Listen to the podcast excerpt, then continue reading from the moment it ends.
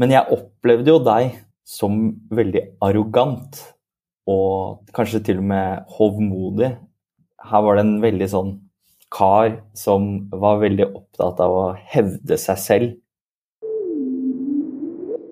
Denne episoden er sponset av gieffektivt.no. GiEffektivt drives i samarbeid mellom Effektiv Altruisme Norge og Stiftelsen Effekt, og er en ressurs for deg som vil at dine donasjoner til veldedig formål skal gjøre en så stor forskjell som mulig. Gi effektivt identifiserer verdens mest effektive hjelpeorganisasjoner, slik at det blir enkelt for deg å gjøre en forskjell Uansett om du ønsker å donere et stort, lite eller mellomstort beløp. Å gi gjennom gieffektivt.no er trygt og enkelt, og gir dessuten rett til skattefradrag. Jeg bruker selv gieffektivt.no, og føler meg da trygg på at pengene jeg donerer, faktisk gjør en forskjell for noen som trenger det.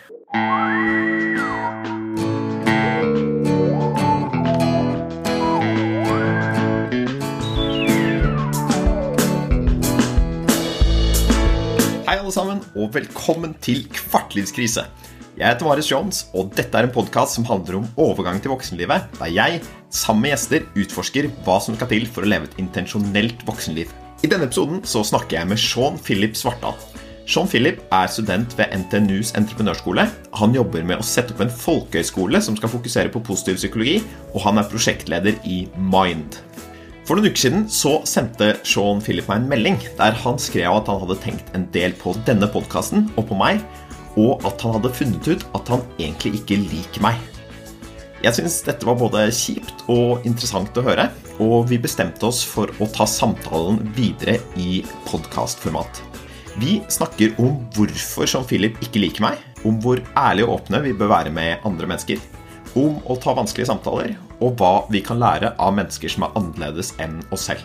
Denne samtalen ble langt hyggeligere enn denne introduksjonen kanskje tyder på, og vi har derfor valgt å klippe ganske lite. Det er ingenting vi sier om hverandre som ikke ble med i episoden, slik du får den servert her. Velkommen til en ny episode av Kvartlivskrise.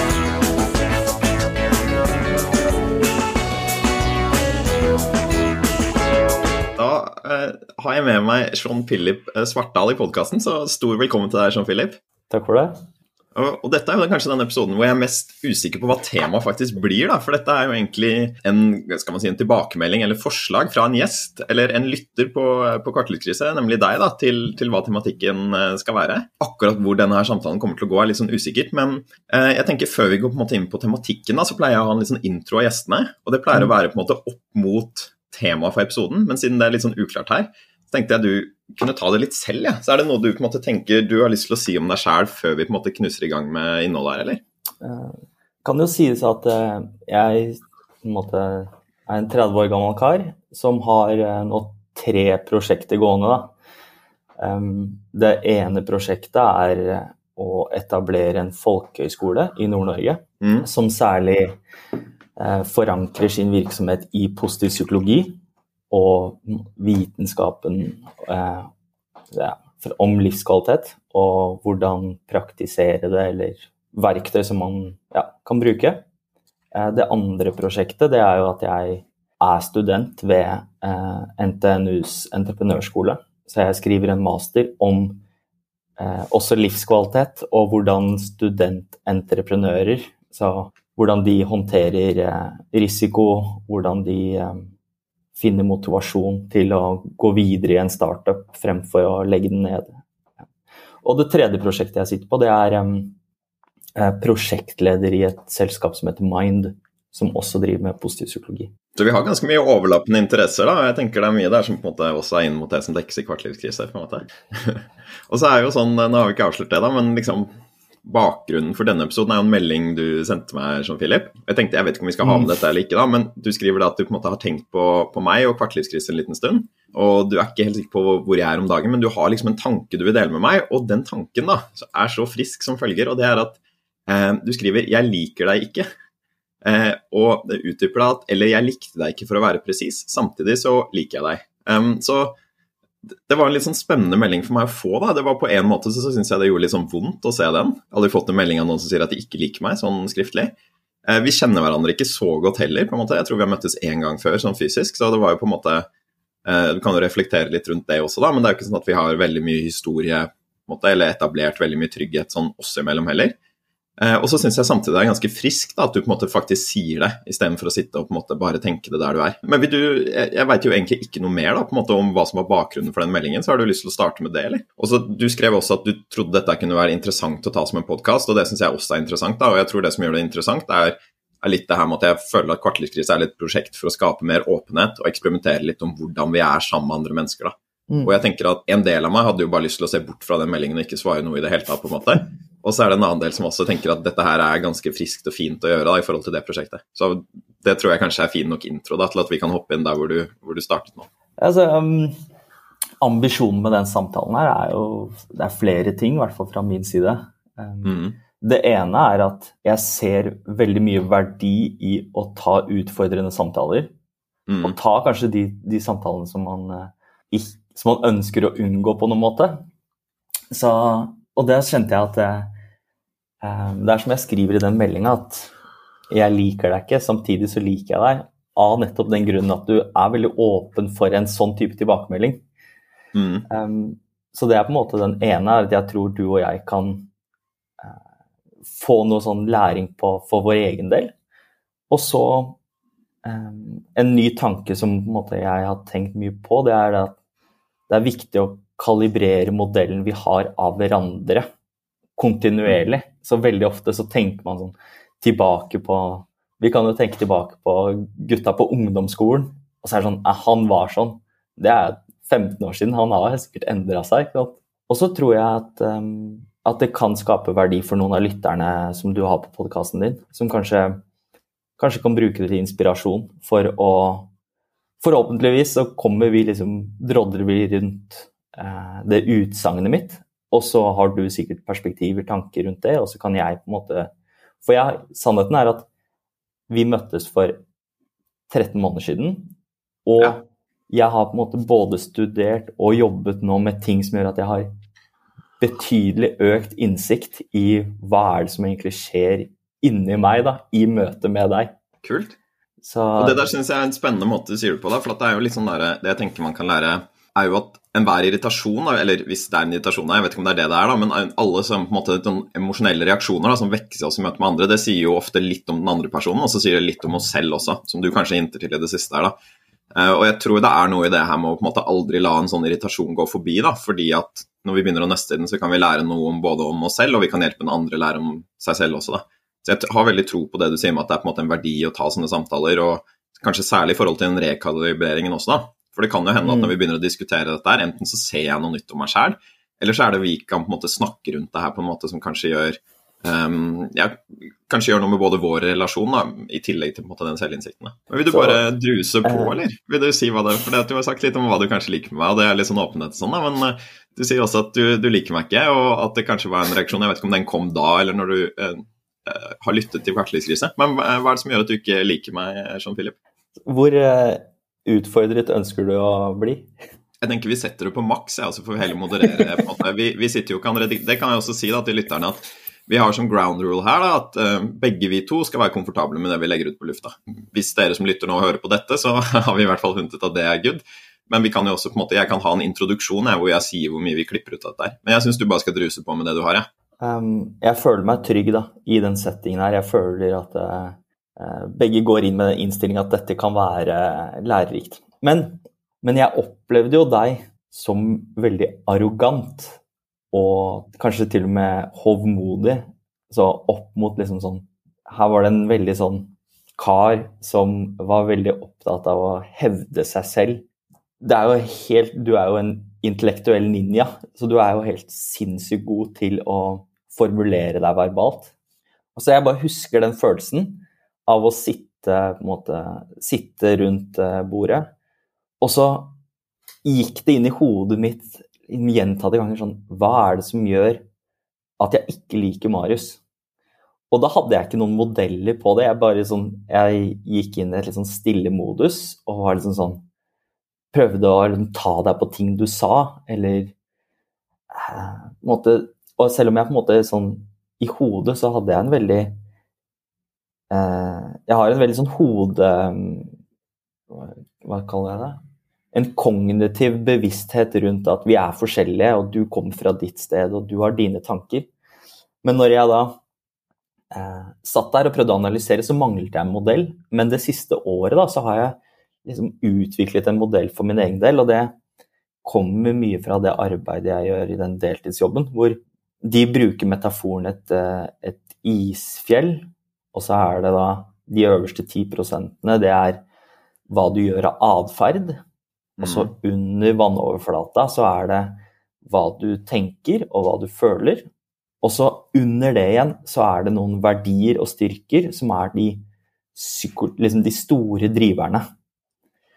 Og da jeg liksom, når jeg har sett på det, så har jeg liksom tenkt sånn Hvilke da For det er jo ikke atferden din. Fordi du var veldig høflig, og du var lyttende. Og jeg opplevde deg som genuint nysgjerrig og autentisk, og du hadde liksom mange av de tingene som gjør at jeg også liker deg, ikke sant. Og du var jo liksom ambisiøs, og du hadde mange store tanker. Så det var ikke atferd.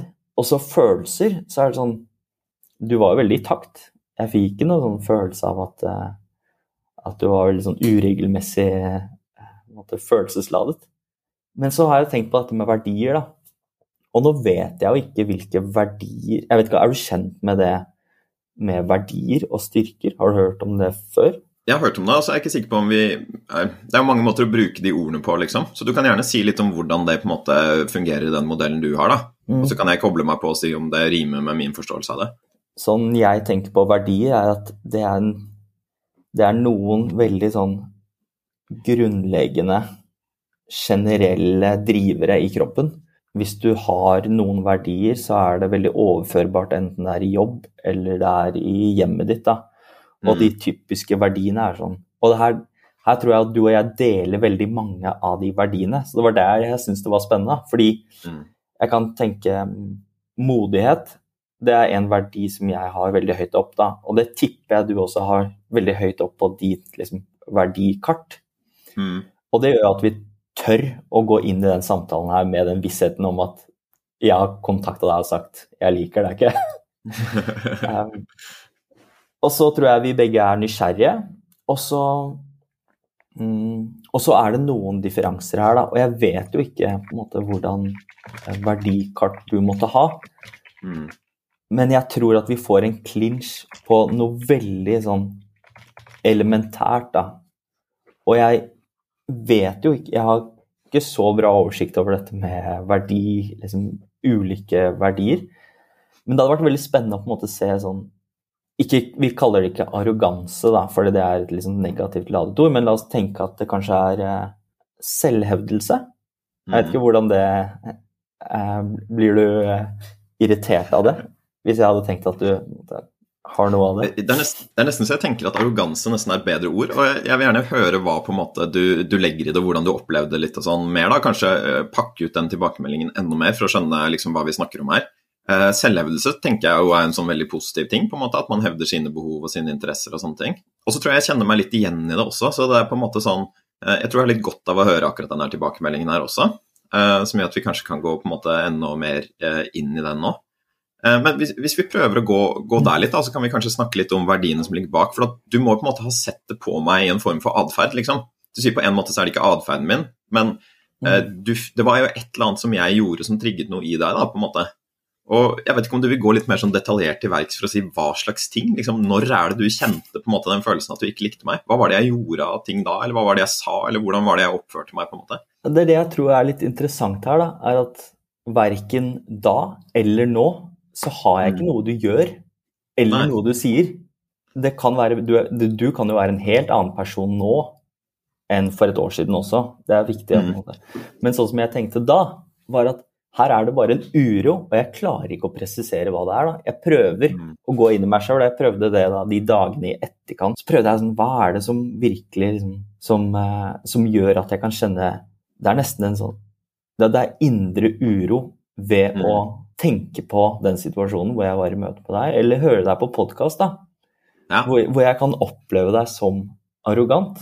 Eh, og du sa det litt innledningsvis, at jeg tror det som irriterer meg over deg, er mine egne svakheter. Mm. Og det har jeg fått veldig sånn greppe om det siste året, da, hvor jeg ser en, mm. en av mine fremste verdier er ydmykhet. En styrke i min modell da, er bare når ydmykhet f.eks. kommer til uttrykk. Det så en styrke er verdier så, i uttrykk. Og det hadde vært veldig spennende på en måte hvor, eh, hvor mye ydmykhet har du?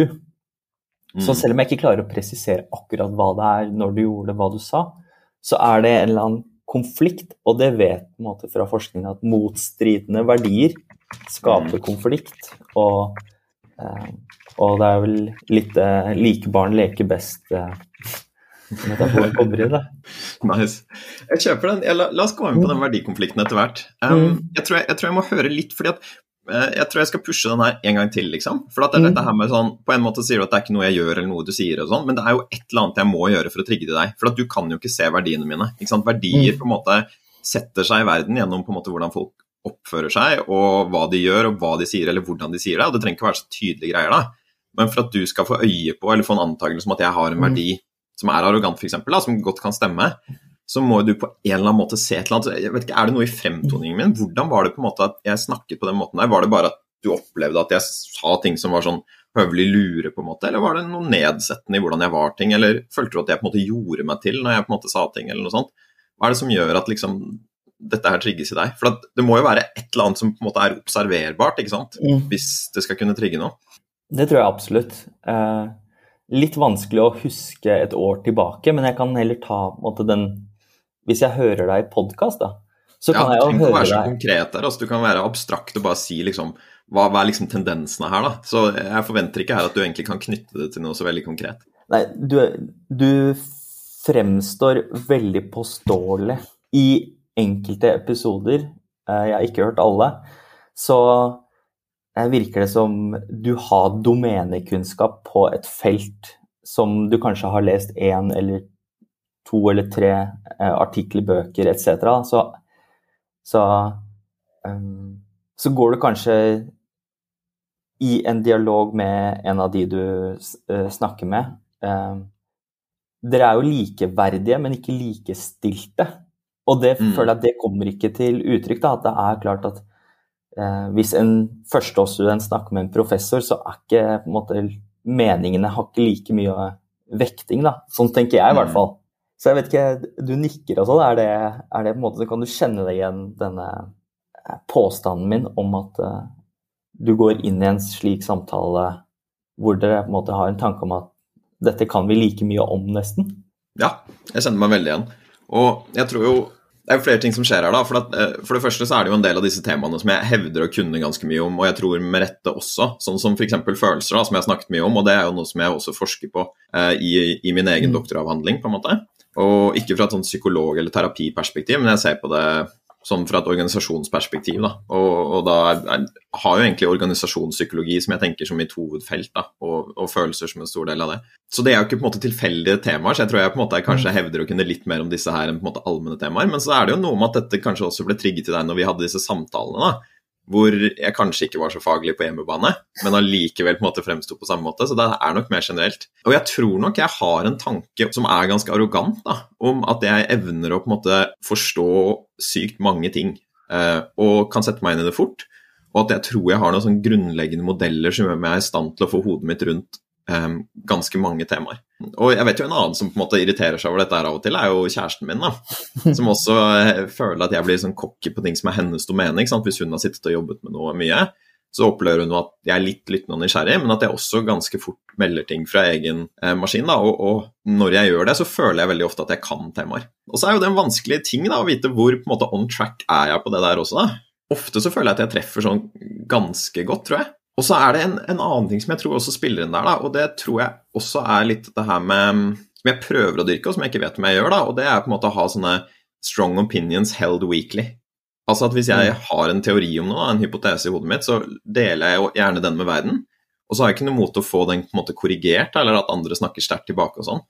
Eh, men jeg merker at jeg ofte på en måte syns det er litt dumt med folk som går rundt og tenker veldig mange ting, men så vil de på en måte ha ydmykhetens i ydmykhetens tjeneste. La være å si det, på en måte. Jeg tror vi kommer raskere fremover hvis folk er på en måte villige til å være transparente med det som er arbeidshypotesene dine, altså det de tror til enhver tid.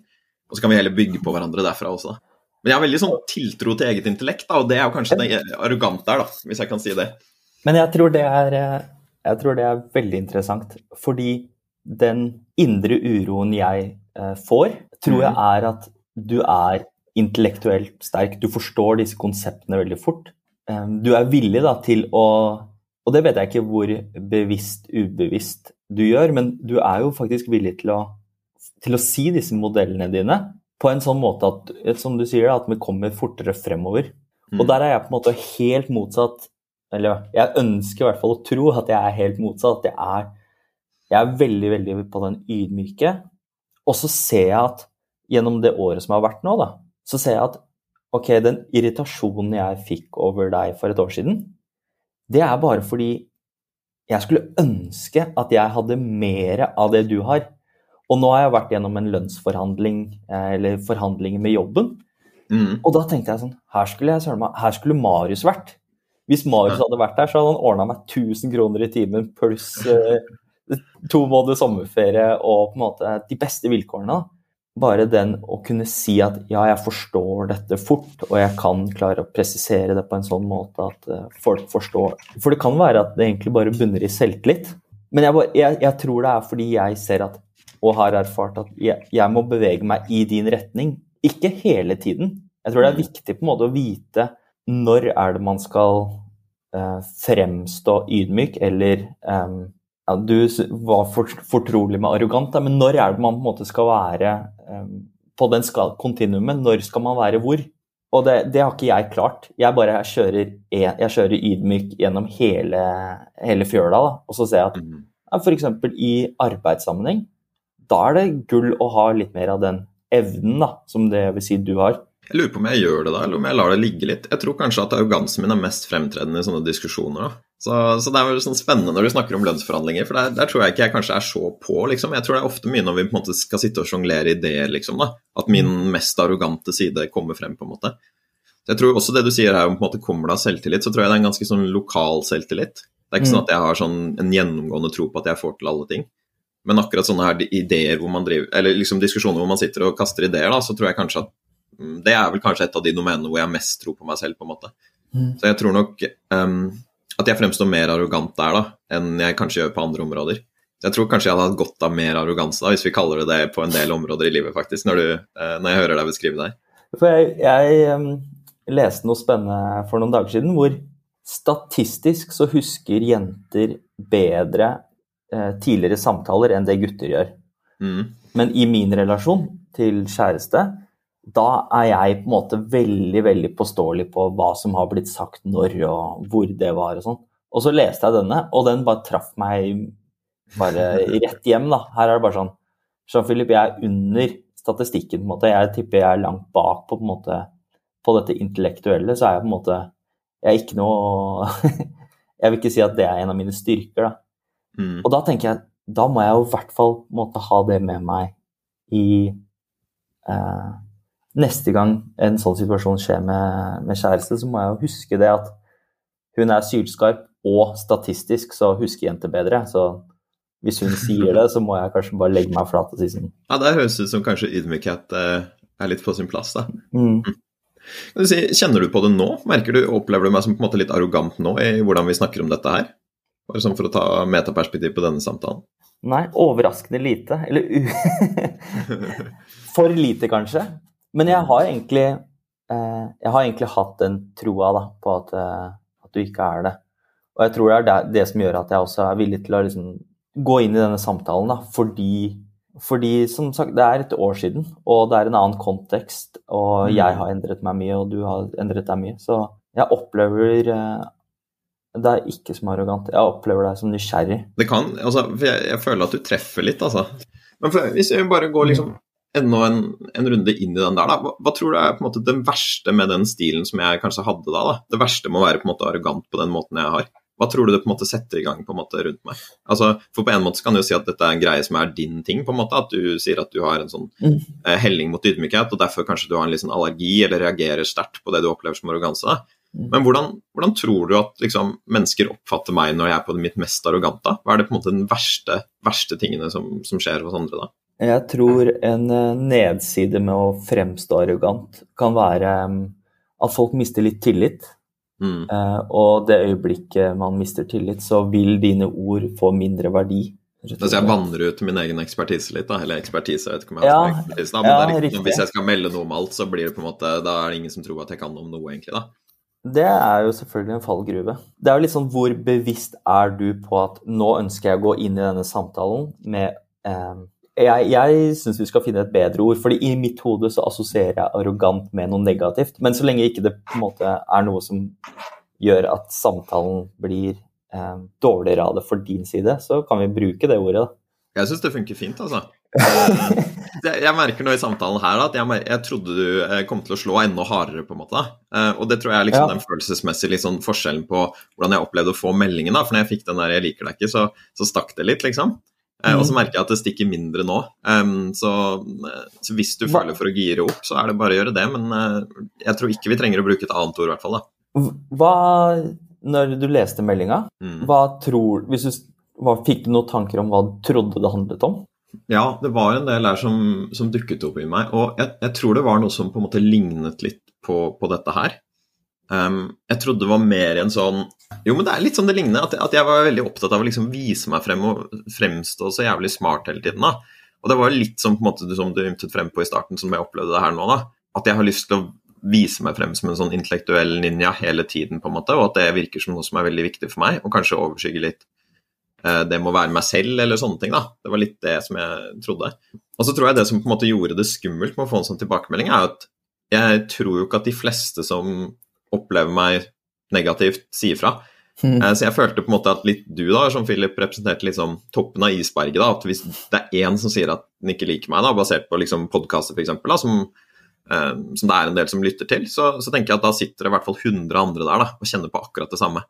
Så jeg, jeg følte på en måte, og, dette her er litt sånn interessant å kjenne på, da, for jeg har tenkt litt på de som står i sånn Twitter-stormer, og de som får liksom offentlig kritikk. da, at, Nesten at jeg har fått liksom mer empati for dem. da, for at Bare det å få én sånn melding, så tenkte jeg at det var ikke bare sånn Philip her. da, Her er det sånn Philip som på en måte snakker på vegne av liksom eh, alle de hundre, eller eh, hvor mange det er, da, som på en måte ikke liker meg, men ikke sier fra. på en måte. Så jeg tror det var det som på en måte opplevdes litt sånn vondt med det. Det er ikke sikkert, da, for å ha det sagt. Det kan være Fordi jeg tror Si, si at de ydmyke menneskene som hører på, da, for å bruke dette, denne styrkeverdimodellen, Ja. så de vil kanskje kjenne på denne. Men Mm. eh, hvis man ikke har det, så måte Men det, det er jo viktigere på en måte Jeg tror det er egentlig ganske spennende på en måte det med å motta en tekstmelding som det, med veldig lite bakgrunnsinformasjon. Så er det jo litt sånn at du leser den meldinga, og du gjør deg opp de tankene. Dette med at jeg representerer toppen av isberget, Ja. det er jo på en måte din, det er jo din tolkning av det. Men Yes. kan du huske kan du huske om du likte meg? Ja, Det er et godt spørsmål, altså, når vi snakker sammen da. Jeg tror jeg satt med et sånt godt inntrykk av deg da. For jeg husker det, Vi satt jo litt i dette på en måte samtaleformatet, og da var det jo mange som snakket. på en måte. Og da tror jeg jeg går veldig inn og er veldig selvvurderende mer enn andrevurderende. Eh, og der har jeg nok kanskje litt mindre selvtillit da, enn det kanskje fremstår som på utsiden. Men der tror jeg jeg blir veldig selvbevisst og veldig tenkende på hvordan jeg selv fremstår. Um, og jeg tror kanskje det bidrar til ganske mye av det som oppleves som arroganse. da. Ikke sant? At uh, Her blir jeg liksom tenkende på hvordan er det jeg best bør fremstå for de andre. Og så har jeg en eller annen modell da, av at det å si på en måte intellektuelt smarte ting da, kjapt, det er det som gjør at jeg kommer til å bli likt der. Så jeg tror det er mye selvobservasjon og kanskje litt selvsensur da, som gjør at jeg fremstår mer arrogant enn enn jeg kanskje er. Jeg kan hende jeg, jeg er jo nok litt arrogant i tillegg, da, men, men det bidrar nok litt til det. Jeg husker jo vi snakket eh, Vi gikk jo litt tur ute, husker jeg, og snakket litt én til én, og da tenkte jeg at jeg syns du hadde ganske mye sånn kule prosjekter på G. Da snakket vi mye om den der folkehøyskolen du ville startet og sånn, og at det hørtes ut som det kom fra på en måte et bra sted, da. Men jeg, jeg tror det er veldig spennende med eh, spørsmålet om du fremstår eh, og velger å være Å ta den rollen i det samtaleformatet fordi du ønsker, liksom, ønsker å fremstå. Fordi det er jo klart at i en sånn rolle så vil jo jeg også ønske å fremstå i hvert fall som en bidragsyter. Så når Mm. jeg på en måte observerer at ok, her er det en mann som har mange perspektiver, og som faktisk formulerer det på en måte at veldig mange forstår, så tenker jeg, og det er jo noe som Det ligger hos meg, da, et, et ønske om å bli Jeg kunne gjerne Jeg tror, for å bruke denne verdimodellen, så Mm. en styrke for meg, da, ydmykhet em, Jeg tror jeg em, overbruker den noen ganger. Og jeg Ja. tror at du med din arroganse også overbruker Jeg tror på en måte hvis vi, Jeg tror at hvis vi hadde skrudd litt ned Jeg hadde skrudd litt opp, kanskje, for at faktisk Dette er noe jeg vet, dette er noe jeg kan. Og så formidle det på en sånn måte at det skaper noe endring. For det opplever jeg når jeg hører på at det er akkurat som du sier, da. Ved å være litt tydeligere, så skaper man også mer endring. Og der har jeg masse å lære. Og da tenker jeg at, um, at kanskje dette kan være på en måte noe som uh, vi forhåpentligvis da, i løpet av den samtalen her, så kan vi hente ut det som vi treffer for vår del, og så kan mm. Og jeg ser masse verdi i å bli 10% mer ninja, da. Intellektuell ninja. Og om, det, om du ønsker å bli litt mer ydmyk i enkelte situasjoner, så er det kanskje noe du ja, kan tenke på. Jeg tror det der er veldig lurt, altså. Jeg tror en sånn måte jeg kunne vært mer ydmyk på, da, som jeg syns er vanskelig å være, men som hadde vært en sånn nesten bare oppside med, er jo å kanskje bare være litt mer spontan på en måte i hvordan jeg er. Og ikke prøve å formulere meg så veldig godt når jeg skal på en måte si ting. da. For jeg tror Det er det, det er kanskje litt den der at jeg prøver så hardt da, som gjør at jeg fremstår litt sånn arrogant. Um, og jeg tror jeg har fått det veldig for meg, da, som er en sånn modell som tjener meg sånn middels godt, men kanskje ikke så godt. Det er jo at andre liker meg bedre hvis jeg sier mye smarte ting. Den tror jeg sitter skikkelig dypt i meg. Mm. Og det på en måte bidrar til at jeg prøver å si smarte ting hele tiden, da. Mm. Og som da kan skape den reaksjonen i andre at jeg er litt arrogant. Um, det jeg også har fått tilbakemelding på, da, knyttet til det der, er at jeg kan fremstå litt sånn sminket heller enn ekte. Uh, så min sminke er det å på en måte prøve å si litt sånn intellektuelle ninjating hele tiden da, når jeg er sammen med andre, istedenfor å på en måte bare være liksom meg selv og, og ja, være akkurat så passe formulert som magen ønsker at jeg skal være i det øyeblikket. da. Mm, det kan hende at jeg tenker mye på akkurat denne sminkethet-greia, men, eh, men jeg, jeg tror kanskje at det er det som skaper den opplevelsen av arroganse hos deg også. da. Jeg vet ikke om det der resonnerer. Opplever du at jeg liksom gjør meg til, liksom, og skal være litt sånn smarty pants, liksom, når man sitter og snakker, mer enn å være meg selv? Jeg måtte tenke litt. Jeg tror kanskje det er noe i det, ja. Absolutt. Jeg har mm. ikke på en måte brukt det at um, Det ene som jeg tror er viktig å si, er at ta det utgangspunktet at jeg ikke liker deg, da og allikevel så liker jeg på en måte jeg, Siden du ikke har denne tillit, siden jeg ikke har tilliten Nå kommer denne, dette intellektet inn, vet du. Men når du da eh, Du hadde et utsagn med at, eh, hvis, eh, at det ligger ganske dypt for deg hvis at du skal si disse intellektuelt smarte tingene for at folk skal like deg.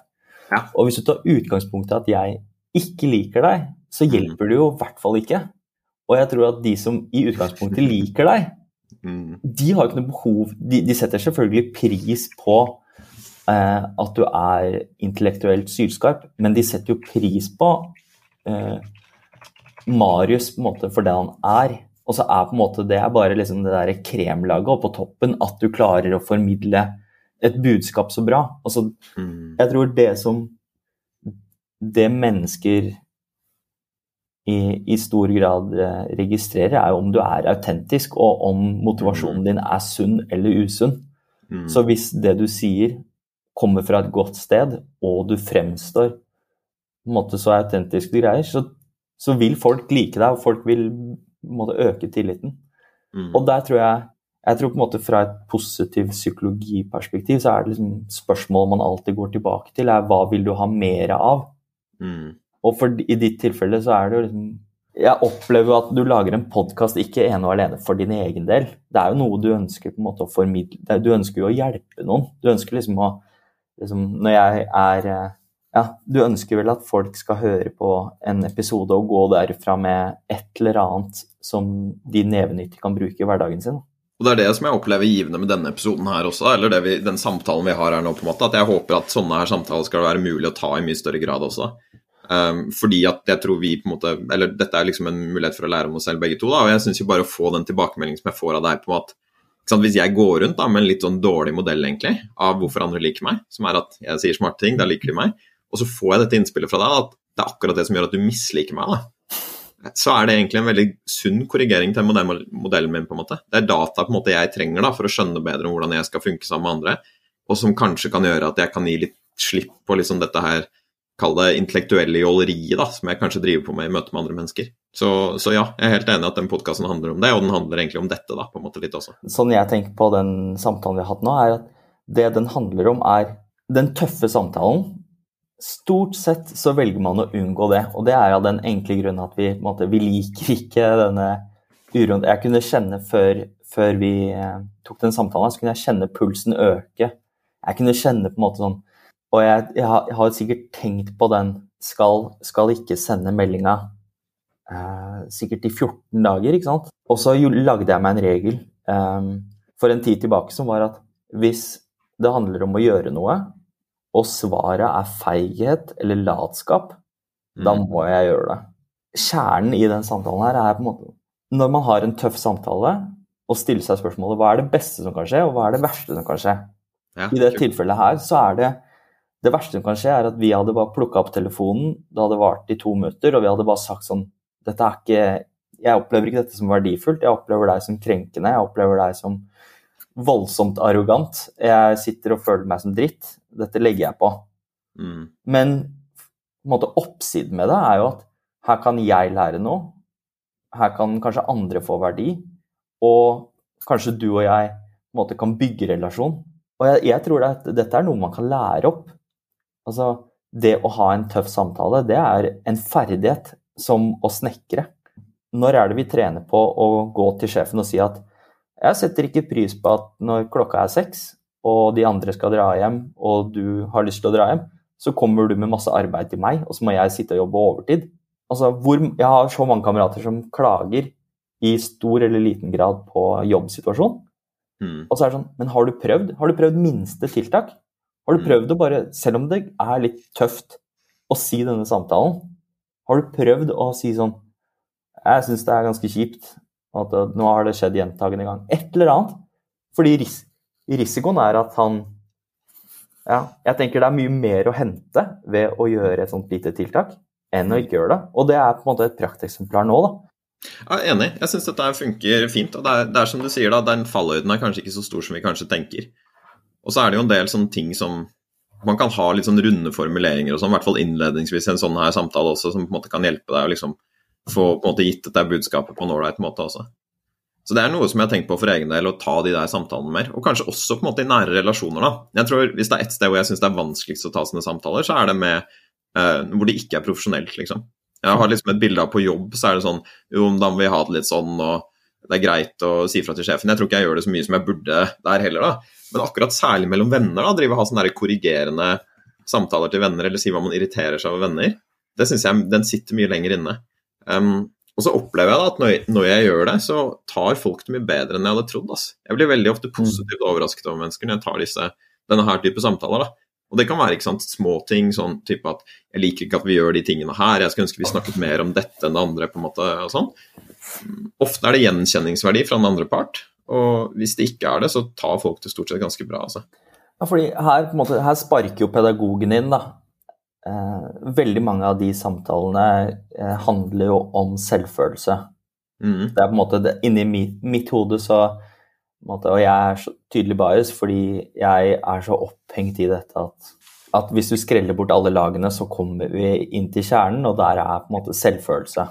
Og jeg skjønner jo hvor det kommer fra. ikke sant? Det er vanskeligere for veldig mange så er det vanskeligere med eh, de tøffe samtalene med nære relasjoner fordi du har mer å miste. Mm. Men samtidig så er det jo sånn Si at du har en god kamerat, og så skal du ha en litt sånn tøff samtale at um, ja, jeg, det plager meg at uh, du kommer for seint. Liksom, mm. Hver gang vi avtaler et tidspunkt, så kommer du da noen minutter for seint uten å si fra, og da føler jeg rett og slett at du bare ikke respekterer meg. Mm. Og så sier du fra om det. Uh, litt uavhengig av egentlig hvor god venn dere er og hvor lenge dere har vært venn. Men hvis, han, hvis du sier sånn 'Dette betyr mye for meg', at hvis du kommer for seint, så må du i hvert fall sende melding, fordi nå sitter jeg på benken utenfor Nationaltheatret, og så har jeg venta på deg i 20 minutter. Og det jeg føler, føler da, er at uh, du verdsetter din tid mer enn min, eller et eller annet. Mm. Hvis han da si, reiser seg opp og bare sier til deg det kan jeg bare drite i, du kan drite i det, så er det virkelig en kamerat du vil ha i livet ditt. da. Heller hvis du sier det, og mest sannsynlig, hvis det er en god kamerat, så kommer han til å si sånn Ok, det er fint at du sier, da skal jeg begynne å sende melding. Eller hvis det er viktig for deg at vi spiser laks i dag istedenfor taco, så vil jo han mest sannsynlig si sånn ok, hvis det er viktig for deg, så vi gjør jo det. Liksom. Helt enig. Så det er jo, jeg synes det der er et veldig godt bilde av på en måte, hva er det verste som kan skje da, og det er jo kanskje at du mister en venn du egentlig ikke vil ha. Så det er jo noe med at man kan bruke det nesten for å selektere litt folk også, da, for å sette det sånn på mm. spissen. Sånn, hvis jeg skal tenke på hva som kunne gått galt her, da, eller kanskje når um, sjansen for at det skulle gått galt var størst, det tror jeg var når jeg mottok meldingen din. For det opplevde jeg at det var på en måte så hadde du myket opp litt, men det var fortsatt en del av meg som eh, tenkte at dette har jeg litt lyst til å bare ikke svare på, liksom. Bare la det ligge. Eller sende sånn på Messenger sånn tommel ned eller et eller annet sånt. da. Det var Jeg ble ganske irritert der da når jeg fikk den meldingen. Og, og dette her kan godt hende at det ligger på min side, da. At jeg burde klare å være mindre for En ting som skjer i meg, er at jeg begynner å gjette mye på hva som ligger mm. bak. Og jeg får den her isfjellmetaforen som jeg snakket om i stad. Det er ikke bare som Philip som de sier dette her, da da alle de de fleste av de som hører på Kvartlivskrise, sitter med en følelse av at de liker ikke meg på en måte når de, når de hører på det. Jeg vet ikke hva du tenker om den der på en måte Men Tror du virkelig på det, Marius? Nei, jeg gjør jo ikke det når jeg snakker med deg her, da, men det var bare det at jeg fikk den følelsen da jeg på en måte eh, leste den meldingen for første gang. Så jeg, jeg, det jeg prøver å gjøre nå, er egentlig kalibrere risiko, da. på en måte. Hvor, mm. eh, hvor farlig er dette her? ikke sant? For jeg tror det er veldig lett å si at man alltid skal ta disse vanskelige samtalene. Og så hvis jeg er ærlig med meg selv på, på, hvor mye motstand jeg hadde mot det da når jeg så meldingen, så tror jeg kanskje at um, risikoen er høyere enn vi kanskje kan få det til å fremstå som hvis vi sier at det er alltid greit å ta disse samtalene her, da. Bare for å prøve på en måte å gi liksom, lyttere og, og, deg og også meg da, en god modell på liksom, uh, hvor stor risiko som er involvert. da. Mm. Eller vet ikke, hva, hva, tenker du når jeg sier at jeg, liksom, jeg ble faktisk så irritert på den meldingen din? da, For du hadde jo en del andre ting der også som som ikke bare var at du ikke likte meg, da, men du sa jo at du likte meg ikke før, og at du liker meg på en annen måte og sånn. Uh, har jeg en reaksjon som er litt sånn uproporsjonal her, eller uh, tror du det er sånn det på en måte blir for folk når man får sånne meldinger? Jeg tror at meldinger er skummelt i utgangspunktet, men det meste av kommunikasjonen man gjør nå i ja, nå er jo over melding. Du kan jo bryte et vennskap på en tekstmelding hvis du har glemt antall smiley, liksom. Så um, det som skal sies, da, er jo at når jeg skrev den meldingen, så hadde jeg faktisk en god intensjon. Min intensjon var ikke nå skal jeg skrive en melding for at Marius skal få det dritt. Jeg ønsket å skrive en melding som var sånn Forhåpentligvis så leser Marius den meldinga, og så tenker han dette er ubehagelig. Og så tenkte jeg at sånn jeg husker deg, da, var at dette her, det er en eller annen nysgjerrighet som kommer til å trumfe denne ubehageligheten. At du kommer til å si dette syns jeg er sånn spennende, vanskelig, men dette kan være um, spennende å grave i. da. Jeg tror at uh, det er på en måte begge veier. da. Jeg tror at når mennesker eh, møter noen som de ikke liker av en grunn Noen ganger kan man sette ord på det. Noen ganger kan man si sånn Det er fordi du kaster søppel på gata, og det syns jeg er dårlig. Men mm. andre ganger så klarer man rett og slett ikke å bare identifisere det. Og da for min, for min del, da, bare det å kunne eh, For jeg har beveget meg veldig fra på en måte kun førstehåndserfaringer ved å gjøre ting, til mer og mer intellekt. da. Og nå som jeg på en måte får med meg modeller, så tror jeg at det var veldig spennende for meg å se at gjennom jobb, gjennom studier, så har jeg lært noen modeller som gjør at jeg faktisk forstår den relasjonen bedre. Som gjør at, mm. som gjør at vi faktisk eh, kan bygge Da kalibrere modellen vi har til hverandre. Og så måte, ha riktig fremdrift, da, hvis man tør å ta denne tøffe samtalen. Det er gode poeng, og du, du fikk jo helt rett sant, i hvordan jeg reagerte. Du, du, på en måte modellerer det veldig godt der, da, med at det både vekker en sånn, litt sånn irritasjon, litt ubehag i meg mm. også. Og så er det denne nysgjerrigheten min da, som er ganske stor, på en måte, og som på en måte helt klart trumfet det. Så det, jeg tenkte jo underveis her på en måte at faen, du fikk meg på kroken altså, med den der meldingen der. For det, det gjorde det veldig også. Det var, det var sånn, um, jeg tror jeg foreslo nesten at vi skulle spille inn podkasten samme dagen, da, for jeg merket at det var veldig masse nysgjerrighet for meg. da for å finne ut av dette her, da. Som både kom fra på en måte et sunt sted, da, liksom jeg skal finne ut og være nysgjerrig på dette her, og et sånn litt fryktdrevet sted også, tror jeg, for min del. da. At det er sånn der Oi, shit, nå må jeg få kalibrert hvordan jeg fremstår her, sånn at jeg ikke driter meg ut når jeg lager flere episoder av Kvartlivskrise. som jeg tror også bidrar til det. Men begge Men to pusher meg inn på noe inni i denne samtalen her, da, som, som jeg opplever som givende. Men eh, Det vet jeg ikke om du har nevnt, men budsk... hva er ønsket formål med podkasten? Ja, Godt spørsmål. Eh, og det, jeg tenker jeg prøver å på en måte oppsummere det, det som handler om et intensjonelt voksenliv. Og Det jeg legger i det, da, er at når vi skal gjøre valg, på en måte, så kan vi på en måte la oss styre av ytre forventninger. Altså det som folk sier at vi skal og bør, og det som liksom er på en måte kulturens oppskrift da, på hva som er et godt liv. Ellers kan vi bruke mer på en måte, tid på å se litt sånn innover og kjenne etter hva det jeg egentlig har lyst til. da. Definere litt hva som er verdiene våre, på en måte, hva vi syns er viktig i livet. Og prøve å handle fra det stedet. Og jeg tror veldig mange valg ligger et sted imellom der. ikke sant? Man tar litt innover seg andres forventninger. Eh, litt innover seg egne på en måte drivkrefter. Det er veldig vanskelig å skille de ofte, som gjør dette vanskelig. Men at hovedbudskapet i denne podkasten er at du kan gjøre litt mer av det siste. Altså bruk på en måte dine indre sunne drivkrefter mer, og litt mindre den oppskriften som du får. på en måte. Og Det gjelder jo f.eks. disse samtalene her. da, Dette bryter jo litt med på en måte oppskriften om hvordan man skal forholde seg til hverandre. på en måte. Mm. Sende meldinger om på en måte 'jeg liker deg ikke', og så lage podkast om det. på en måte. Er jo ikke helt sånn standard prosedyre. Men gitt at måte, vi begge har verdier da, som, som, virker å handle om å måte, utforske ting, bli kjent med seg selv, være nysgjerrig, da, så burde vi allikevel ta denne samtalen her. da. Så jeg tenker jo, vi, Målet med podkasten er jo egentlig å få folk til å gjøre mer sånne her ting, da, på en måte, og mindre bare lukke den meldingen og si 'fuck you', liksom. Dette gidder jeg ikke å forholde meg til. Hvis det var et svar på spørsmålet? Ja, det er bra svar. Men har du um, relasjoner, folk på telefonlista, som du har noe uoppgjort med? Som du har på en måte, Hvis du lener deg tilbake og tenker på ok, nå har jeg x antall sånne tøffe samtaler som tar rett og slett Det tar jo både kognitiv og emosjonell kapasitet da, ved at mm. man har ting som er uoppgjort. Mm. Det er i hvert fall sånn for min del da, at liksom, jeg har jo på en måte fått positiv forsterkning på at jeg både håndterer de samtalene bra, men etter samtalen så kan jeg også sitte med en sånn Det er ti av ti, det. At jeg har en eller annen tøff samtale. Jeg skal si kritikk til professoren min på universitetet, og så gir jeg den kritikken til han. Og så går jeg derfra, og så er det liksom ti av ti ganger så er det sånn Ok, det gikk ikke sånn som jeg hadde håpet, men jeg har i hvert fall gjort det. Mm. Samme på en måte når du eh, Når det er ting du sitter og dveler på. Sånn, skal jeg spørre hun jenta om telefonnummeret? Altså Statistisk så får jeg kanskje nei seks av ti, men jeg klapper meg alltid på skulderen for Jeg fikk det i hvert fall til. Mm. Gjorde det. Og det på syns jeg er kult, da. At eh, og jeg tror det kan læres. Og jeg tror at nå er jo både du og jeg er jo 30 år. Altså, mm. ungdommen når du er 15 år, altså, deltidsjobben på butikken, lærer seg å bare si sånn derre eh, Et eller annet hvis sjefen er litt, litt, ufin eller spør om noe som er liksom ja, urettferdig eller et eller annet, så bygge stein på stein. sånn at jeg vil si at måten du håndterer dette på, er jo fordi du har håndtert noen tøffe samtaler før. Hvis du mm. ikke har noe mestringstro på at 'dette kan jeg fikse', så ville du jo bare svart ned på den tekstmeldinga, så ville du bare smart tommel ned og være sånn Håper vi aldri ses igjen, da. Nei, det, det, er sant. Jeg tror sånn, Når du spør om dem om jeg har noe sånn mm. uoppgjort, om det er sånne samtaler, så er nok svaret ja. Og det ser jeg for meg at det kommer til å være også. Og så vet jeg ikke hvor store de er, men jeg tror, jeg tror, nok det er mer plass til det i alle relasjonene mine. Både arbeidsrelasjoner og, og private relasjoner. da, Bare på en måte sette ord ord på ting.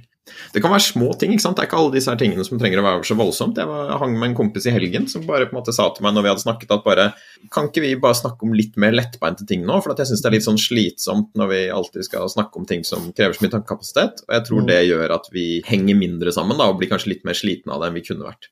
Så, og, og, det å få sånne tilbakemeldinger da, som er mer, liksom, mer, mer sånn pågående om hvordan er det vi opplever det å henge sammen, på en måte, det, det, tror jeg alltid kan gi mer av. på en måte. Så jeg vet ikke om Det er de der liksom, det er ikke noen sånne store kamper som jeg kommer på nå, men det er liksom å bli flinkere til å gjøre de greiene der da, etter man har hengt med folk eller snakket med folk og sånne ting. da, For å bare styre litt ting litt mer bevisst da, i riktig retning. Det er litt å ha et sånn intensjonelt forhold til hvordan er det man vil at henging og vennskap skal være. da, på en måte, Og, og, og la det bli litt mer sånn eksplisitt. da. Jeg har en kamerat som sier til meg at um, du vil alltid bety mer for andre enn du selv tror. Og det syns jeg den har satt seg hos meg, da, fordi jeg vet at, jeg vet at kamerater betyr Kamerater betyr mye for meg, men jeg mm. har ingen liksom, Jeg tester jo aldri den relasjonen på noen måte. Mm. Litt sånn som vi snakket om tidligere, med hvis man faktisk sier noe som er viktig for deg Det er viktig for meg at du kommer tidsnok. Er det en god kamerat, så gjør han det. Han kommer til å på en mm. måte møte deg på de tingene du sier ifra om, da, hvis du jeg tenker på sånn, bare en, en, sånn modell som jeg tenkte på her, da, når vi snakket litt om mm. på en måte, hva vi kan lære hverandre, og på en måte dette med mm. sånn verdikonflikt og sånn. Har du sett den modellen som heter Core Quadrant, eller um, Talentoverslag, som er en fyr som heter Daniel Uffmann som har laget? Nei. Jeg tror det kunne vært interessant. Jeg kan dele den i shownotene også mm. på dette her, da. Men uh, sånn i korte trekk da, så er det en modell som sier at hvis vi tar utgangspunkt i en kjernekvalitet eller en verdi, eller noe sånt, så kan vi på en måte se en del sånne mønstre som kan være nyttige for oss å se. Så den starter egentlig med at du har en boks som heter kjernekvaliteten din. da. For deg da så kunne det vært ydmykhet, for meg kunne det vært arroganse, hvis vi tar det til eksempel med arroganse. Og så kan man spørre seg selv hva er det som skjer når denne styrken, hvis vi sier at arroganse er en styrke i noen tilfeller, hva skjer hvis den går for langt? Og da finner du nesten alltid noe. Eh, mm. Og for meg, da, arroganse er jo kanskje en, en svakhet i seg selv, da, men det kan jo hende at jeg blir ovenpå, at jeg på en måte skyver folk fra meg, på en måte, at jeg blir cocky, kanskje. da. Det er jo kanskje en enda sterkere versjon av det. Um, og, og, her så ligger det i denne her modellen at ofte så blir dine største styrker også dine største svakheter. Fordi mm. du bruker dem for ofte, du er for lite fleksibel med det. Mm. Og ut fra det der, det ene spørsmålet er dette, hva skjer når det går for langt? Så kan du spørre hva er det motsatt positive av styrken din? Og for arroganse så ville jo det vært mye ydmykhet. Og hvis jeg er god på arroganse, så vil sannsynligvis ydmykhet være en vanskelig ting. Og så kan man spørre hva er, det, hva er overslaget av det som er det motsatt positive. da, Så hva skjer hvis ydmykhet går for langt? Um, så blir det ofte en sånn derre Hva er det jeg skal si med ydmykhet går for langt? Da? Det er sånn at man på en måte holder seg tilbake, skjuler kunnskapen sin, ikke sier noe, tar mindre plass enn man burde gjøre, på en måte, og sånne ting. da. Og for meg da, så vil det ofte være en allergi. Mm. At det er, det er, noe som jeg reagerer ekstra sterkt på. på en måte. Så denne her modellen tar egentlig utgangspunkt i en kjernekvalitet, og så kan du finne ut hva er det som er overslaget, det som på en måte når det blir for mye. Hva er det som er en utfordring for meg, som er det motsatt positive, og hva er det jeg er allergisk mot også. Mm. Og Jeg tenkte litt på det sånn som du sa da, for det var nesten så du sa dette her når du på en måte presenterte tilbakemeldingen. da. For deg så er på en måte ydmykhet en verdi og en kjernekompetanse, kanskje, noe du er sterk på, som er viktig for deg. Mm. Og da blir liksom arroganse kanskje en allergi, da, på en måte, eller noe som du på en måte reagerer liksom litt ekstra sterkt på der også. Mm. Så jeg syns det er egentlig en ganske god sånn modell på å jobbe med det. Og så er det jo mm. også noe med at hvis man vil lære seg disse tingene her, da, så hjelper det jo å få andre reaksjoner på, på måte, din egen atferd. Så du hjelper jo meg også på en måte å se litt hvordan overslaget av arrogansen min kan se ut, da, på en måte, gjennom å måte, sette ord på det eh, du vekker i meg.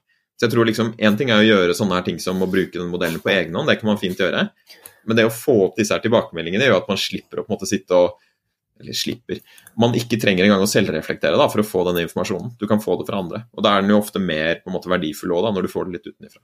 Og skal jo sies at da slipper man jo disse antagelsene og tolkningene ved å faktisk spørre. Så det tror jeg er en svakhet for, for veldig mange, at man spør for lite, rett og slett. Mm. Så, men til eh, eh litt nysgjerrighet fra min egen side, da. at og det, sånn som jeg tenker på styrker og sånn, er at det er en eller annen blanding her. ikke sant? Det er både hva man er, og så er det litt hva man ønsker å være. Yes, og så har jeg nå gjort en veldig viktig sånn oppdagelse at jeg må passe på at ikke jeg overforbruker ydmykhet, fordi jeg kan fremstå utydelig eller et eller annet. Men mm. opplever du det med meg? At kanskje den Jeg var kanskje ikke så tydelig i den tekstmeldingen, da, men uh, i den samtalen mm. her kan du kjenne på en eller annen sånn utydelighet over hva er det som Philip egentlig mener? Uh, I tekstmeldingen opplevde jeg ikke ydmyk. Jeg tror kanskje der hvor jeg opplever deg litt ydmyk, var liksom litt innholdet i denne her tilbakemeldingen også. Um, så, så, jeg syns jo på en måte at det er ord her som resonnerer. Uh, men jeg tror, du, jeg tror, egentlig at du kunne vært enda klarere på en måte på hva liksom Hva er det som satte i gang mest av negativt i deg, da, av ting jeg gjør, på en måte? Og hva er liksom Eh, hvis du hadde skrudd opp volumet litt da, på, på, på, hvordan du hadde gitt tilbakemelding, så tror jeg det hadde vært enda tydeligere og forståelig for meg hva du mente med det. Så jeg tror fortsatt at det er litt, litt, um, litt ullent at jeg må legge til litt ting da, på en måte i den der tilbakemeldingen på, på arroganse. Men for å bruke analogien med det der å kaste søppel, da. Jeg skulle ønske at jeg hadde sett at atferd Jeg skulle ønske at jeg kunne liksom påpeke at atferden din er det. Jeg kan I det tilfellet her så så tenker jeg at dette er noen motstridende verdier. Og så mm. har vi så mye over jeg, måte, Hvis vi hadde gjort dette styrkekartleggingen, så tipper jeg at du og jeg hadde fått overlapp sikkert på 80 da, av mm. veldig mange liksom, måte, av disse verdiene. Og så er det da mm. noen som skiller mellom deg og meg. Og da Jeg syns det er vanskelig. Jeg kan på en måte, Når jeg tenker på de episodene fra podkasten jeg har hørt, så er det jo det er jo mange ord. Mm. Og det er kanskje på en måte, du brukte vel ordet eh, påsminke, eller at du mm. Og det tror jeg at Jeg, jeg tror at eh, din person er så god at hvis du skrur ned noen prosent på det intellektuelle på en måte slåsskampen, da, så ja. tror jeg at jeg tror at uh, motparten ville kanskje senket skuldrene litt. Jeg, jeg, kan jo snakke for min egen del. Da, er at jeg tror jeg ville senket skuldrene mer. Hvis, mm. Og det er, på en måte, det er jo en eller annen fallgruve, fordi det er som du sier, da, at dette er liksom curse of knowledge. At du er på en måte Du forstår det så fort, og motparten kan være trenge mer tid. Men totalen blir jo ikke bedre av hvis, hvis du prater over hodet på motparten, da, eller mm. gjør at han eller hun føler seg utrygg, så blir jo ikke resultatet noe mer. Og det kan jo være en spennende en måte, bevisstgjøring at oi, hvis jeg tar vekk ett eller to av de sverda, så kanskje vi eh, Kanskje vi får mer utbytte da, av samtalen. Det er bra, kult at du bruker sverd. Um, jeg, jeg, har ofte brukt den metaforen for egen del også, da, og sier at liksom jeg møter verden med et sånt kunnskapssverd som jeg tror funker for alle utfordringer, egentlig. Uh, så det er jo egentlig det bildet jeg har også, da, hvor det er en liksom kamp på en måte mot verden, og hvor jeg må på en måte stille med kunnskapen min da, og kjempe med den, liksom, for å få det som jeg vil. Um, og det er jo kanskje det litt du sier, at jeg bruker det for, litt for aktivt, dette sverdet her. da, At jeg kan senke det litt, roe det litt, svinge det litt færre ganger på en måte, og være litt mer meg sjæl oppi dette. Og så vil det egentlig virke bedre da enn det jeg holder på med nå, på en måte. Og det der er jævlig klarende. Altså. Eller jeg, bare, på måte, jeg tror jeg trenger å få den der tilbakemeldingen fra mange folk, fordi at den modellen jeg har da, om at måte, jeg må si smarte ting, sitter så jævlig dypt. Og hver gang jeg får en sånn at, en måte, at nei, du er sminket, eller at du er litt arrogant, eller noe sånt, så kanskje den myker seg opp litt, på en måte. Så det tror jeg også er det som, som gir meg veldig mye med å få den tilbakemeldingen som du gir meg nå, da. Som jeg gjør at jeg syns den er en veldig fin gave. Og jeg tror at det kan ligge litt verdi i bare å ha sagt det. at nå er jo kunnskapsbanken din er jo så stor mm. at det kan være at bare at den tilbakemeldingen nå treffer deg på sånn, et veldig godt tidspunkt. Hvor du mm. ser at ja, før så møtte jeg verden med kunnskap, og nå, måte, nå bikker jeg på en måte over i kanskje en annen fase av livet hvor kanskje erfaringer Oi, her, jeg er jo en forkjemper for erfaringer. Erfaringer mm. er trumfer teori. Ai, mener jeg. Ai, ai. At liksom sånn... her, har en, eh, her, har vi en, ny episode med en duell. Nei, men, og, jo, jo, men, men, det kan jo også være noe som gjør at jeg da um, opplevde denne motstridenheten ved at mm. kanskje vi er ytterpunkter der igjen, da. Jeg tenker, eh, Det er én ting som jeg har på en måte lyst til å spørre deg om før vi på en måte kanskje lukker denne her. da. Eller to ting jeg vil du skal gjøre. Det ene er jo Jeg snakket litt om hvordan jeg kan bli mer sånn ydmyk, og du snakket jo litt om det med på en måte arroganse også, da. Men hvor i livet ditt tror du du har størst potensial for å være mer arrogant? Hvor tror du det kunne hjulpet deg mest? Jobbsammenheng. Ja, Er det det med sånn type spør om mer lønn og sånne ting, eller? Jeg husker um, i arbeidet mitt for å få den Jeg sparka jo inn døra for å få jobben som jeg nå har. Mm. Så det var Jeg plukka opp telefonen til et selskap som egentlig ikke hadde utløst noen stilling. Som jeg ikke hadde noe kjennskap til. Jeg bare visste at de var, hvis ikke norgesledende, så kanskje, eh, kanskje til og med Skandinavia eller Europas ledende på psykologi. Og så tenkte jeg at dette er bare folk jeg bare må få tak i. Og så fikk jeg jo nei, og så fikk jeg ja, og så kom korona, og så ble det nei, og så har jeg nå på en måte fått det til på nytt. Men i det arbeidet da, så var det litt sånn Men hva kan du tilføye av verdi inn i bedriften vår?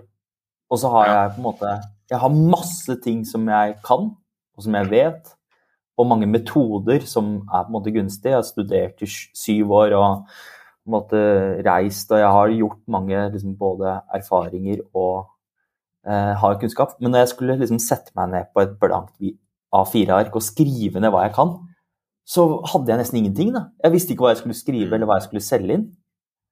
Og da mm. fikk det meg sånn Fy flate, her er det Her må jeg jobbe, da. Altså, du kan jo Hvis, hvis, hvis jeg har spilt eh, innebandy i 18 år, og du spør meg ja, har du spilt innebandy, er du god? så ville jeg fortsatt sagt sånn Nei, jeg er ikke så veldig god. Sånn, mm. det er helt uhørt i min verden. Eller hvis du spør meg sånn Hva er du stolt av? Så er det bare sånn Jeg, jeg er bare takknemlig. Mm. Jeg bruker ikke ordet stolthet. Mm. Og da tenker jeg sånn Å faktisk kunne gå, sette meg ned med det A4-arket, si hva jeg kan, hva jeg vet, hva jeg kan tilføye av verdi, og mm. levere på det, da. Mm. Altså, det er, jeg har masse å gå på det. At Um, jobbsammenheng er på en måte den første som faller inn, da, fordi der er det litt sånn Der bruker vi måleverktøy, da.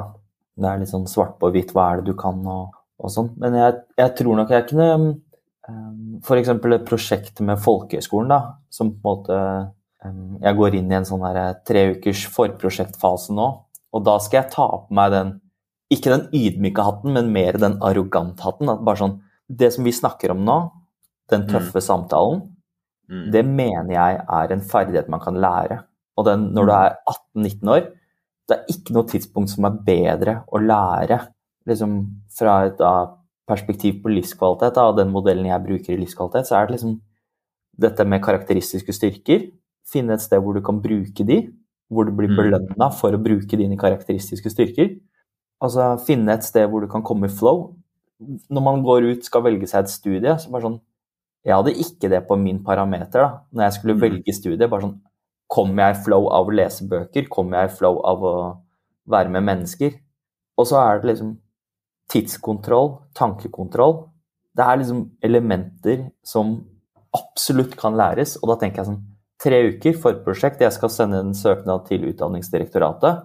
Altså, da er det bare å gønne på og så finne mm. folk som kan støtte opp under at det er mulig. Så, så jeg har masse å lære på det. da. Jeg tror, jeg tror, at den uroen som jeg fikk i møte med deg, er bare min egen liksom, ufullkommenhet. At jeg bare kjenner sånn Jeg hadde trengt noen av de skillsene som du har.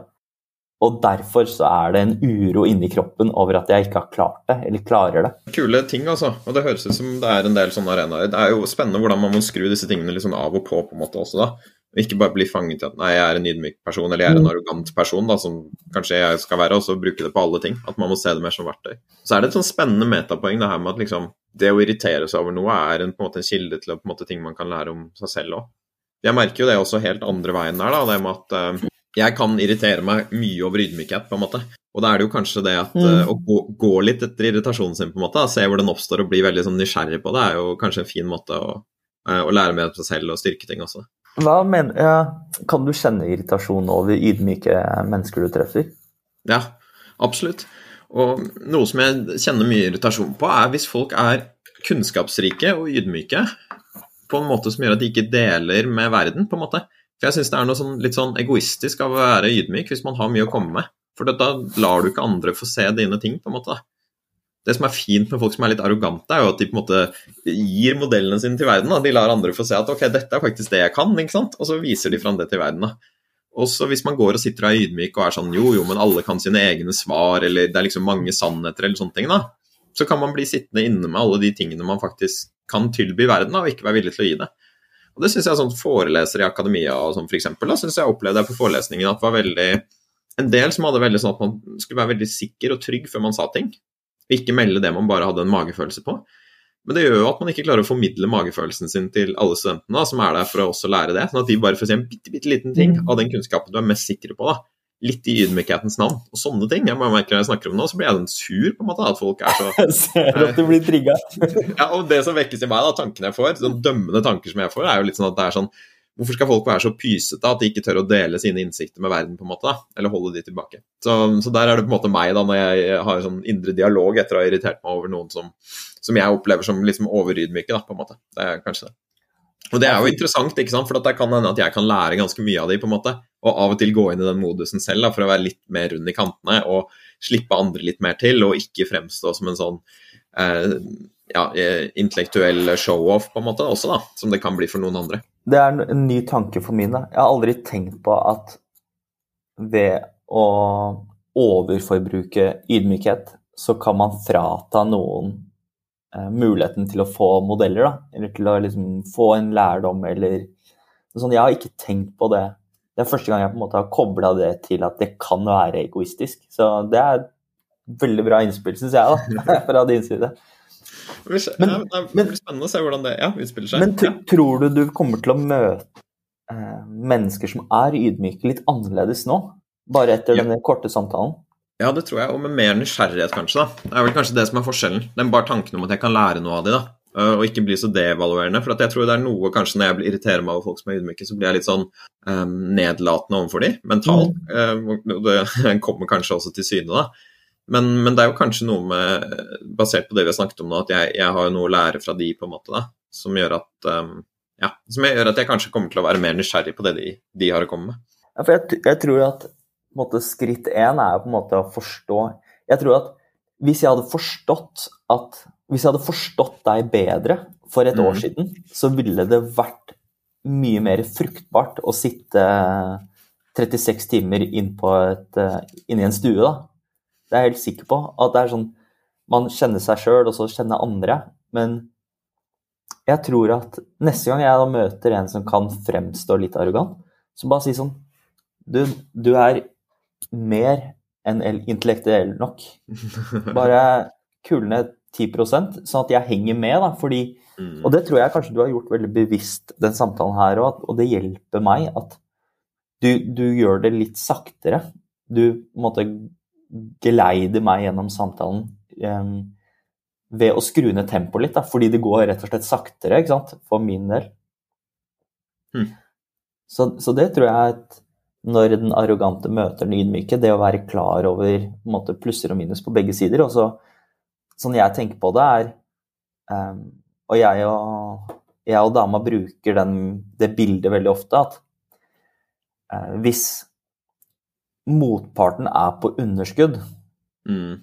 og da mener jeg at eh, hvis det kommer en liksom frekk kommentar, eller hvis det er et eller annet som, eh, som stanger, eller typisk at vi er ute på tur, da, og så blir den ene sånn kort og mutt, eller et eller annet sånt, så er det liksom muligheten for at hvis en er på underskudd, tillater bare at den andre kan komme på overskudd, og så at den andre kan heller løfte den som er på underskudd. Og sånn tenker jeg egentlig i relasjon med neste gang jeg møter en som er arrogant, da, eller Mm. fremstår litt arrogant, så bare tenke sånn Ok, her er kanskje han Kanskje han er på underskudd. Kanskje han, Hva er på en måte budskapet hans, og hva er det jeg kan gjøre for at budskapet hans kommer tydeligere frem? Hva kan jeg gjøre, jeg si? Mm. Hvordan, om, hvordan kan jeg skape omgivelser som gjør at, at vi rett og slett kobles på, da? Mm. Og der jeg er litt usikker på åssen vi har klart det, men jeg tror på en måte vi har klart både å skape et veldig sånn trygt forum akkurat her, i denne Mm. samtalen, og en slags veldig sånn genuin nysgjerrighet. Så jeg, jeg tror at eh, hvis ambisjonen min var å faktisk gå inn i en, samtale, en tøff samtale og så komme ut som endrede menn, så tror jeg vi har fått det til. da. Mm. Og den skal jeg ta med meg neste gang jeg har en tøff samtale. At liksom bare sånn, Det gikk jo bra forrige gang. Det, det resonnerer. Jeg syns også vi har landet dette her godt, da. Jeg syns um, um, For å oppsummere for egen del, så opplever jeg at dette her har vært lærerikt og givende. Uh, jeg syns også at det er en sånn refleksjon at det er mye mindre skummelt å møtes og snakke om det enn jeg tenkte det skulle være gitt den meldingen. Så jeg, jeg også Mm. tror også på en måte at kanskje hvis man skal gjøre sånne ting som dette her, så uh, kommer jeg i hvert fall til å være litt forsiktig med på en måte hva jeg leverer i tekstform og hva jeg tar ansikt til ansikt. For liksom, i teksten så opplever jeg at det vekker noe i meg. Når vi prater sammen nå, så er det egentlig bare spennende og givende. Det stikker litt sånn av og til, men, men det er på en måte det overskygges helt da, på en måte av liksom hvor engasjerende det er. Og jeg, jeg syns også det er lærerikt av det. Og så er det jo noe du sier her, da, på en måte at jeg tror det er sånn her trygghet ofte skapes. da, på en måte, Å kjenne at det er rom for sånt her i en relasjon. Mm. Liksom, Og at du på en måte kan si at det er sider ved meg du ikke liker, og så er du fortsatt her i denne samtalen her og er nysgjerrig på meg og vil vite mer om meg. på en måte. Det gjør jo at jeg kanskje tenker at her er det mer rom for å på en måte være den jeg er, også på måter som Sean Philip ikke digger. da, på en måte. Du kommer ikke til å forsvinne hvis det ikke er perfeksjon du møter. da. Så, um, så er jeg enig. Jeg syns dette her eh, egentlig har funket uh, veldig ålreit. Ja. Og jeg tror faktisk at denne episoden kan bli ganske høvelig interessant også. Så er det noe du har lyst til å legge til, eller før vi kaller det en episode? Og jeg, jeg tror det er litt spennende å tenke på at um, når jeg ser da forskning på livskvalitet fra et psykologisk perspektiv, så er det noe med at vi overvurderer hvor bra vi kommer til å få det når Mm. tilfellet er positivt, og vi undervurderer hvor kjipt vi kommer til å ha det hvis utfallet er negativt. Mm. Så hadde det gått bra, så blir man litt man blir selvfølgelig, eller Det er kanskje et litt sånn dårlig eksempel akkurat her, da, men jeg syns Mm. det er litt sånn gjeldende, og det prøver jeg å ha med meg sånn kontinuerlig i hverdagen, er at måte, stabili- liksom, livskvalitet er 50% genetisk, 40 Mm. kan vi styre, liksom. 10, altså Mm. 10 miljø. Bare kulen, jeg er på en stabil sjuer eller noe sånt, som nordmenn flest. Og om den samtalen her hadde gått bra, jeg hadde ikke gått ned på en treer. Da hadde jeg bare eksternalisert det, så hadde jeg sagt sånn derre Jeg klapper meg selv på skulderen, for jeg sendte en melding. Mm. Og jeg satte av to timer, eller halvannen time, eh, for å på en måte utforske dette. Det funka ikke. Jeg, går jeg ut døra, så er jeg fortsatt liksom på 6,9. Jeg hadde hatt en bra dag selv. Opp, jeg tror det er et godt budskap å avslutte med. Da, at måte, sånne risikoer, og kanskje sosiale risikoer særlig, da, fremstår mye større enn de egentlig er. på en måte. Vi er jo litt lagd for å tenke at vi må passe veldig veldig godt på hva andre synes om oss, men det er jo ikke sånn at vi på en måte er i samme stamme, på en måte, og min overlevelse eh, på en måte står og faller på om du liker meg eller ikke. da. For det er jo litt sånn at det, Hvis dette her hadde gått skikkelig til skeis, da, på en måte, og vi faktisk ikke hadde likt trynet på hverandre nå etter denne samtalen her også, så hadde nok livene våre gått ganske fint videre på hver vår kant også, på en måte. Så jeg tror det også er noe som må telle i favør av å være litt flinkere til å ta sånne samtaler som dette her ofte. Og dette er jo en erfaring rikere, da, ikke bare kunnskap. Ikke sant. Ja, der kom den også. Bra du fikk, uh, fikk den inn på slutten. Jeg tenker vi kan um, kalle det en episode der, altså. Tusen takk for at du kom og var med i podkasten, Jean Philip. Dette var veldig ålreit. I like måte.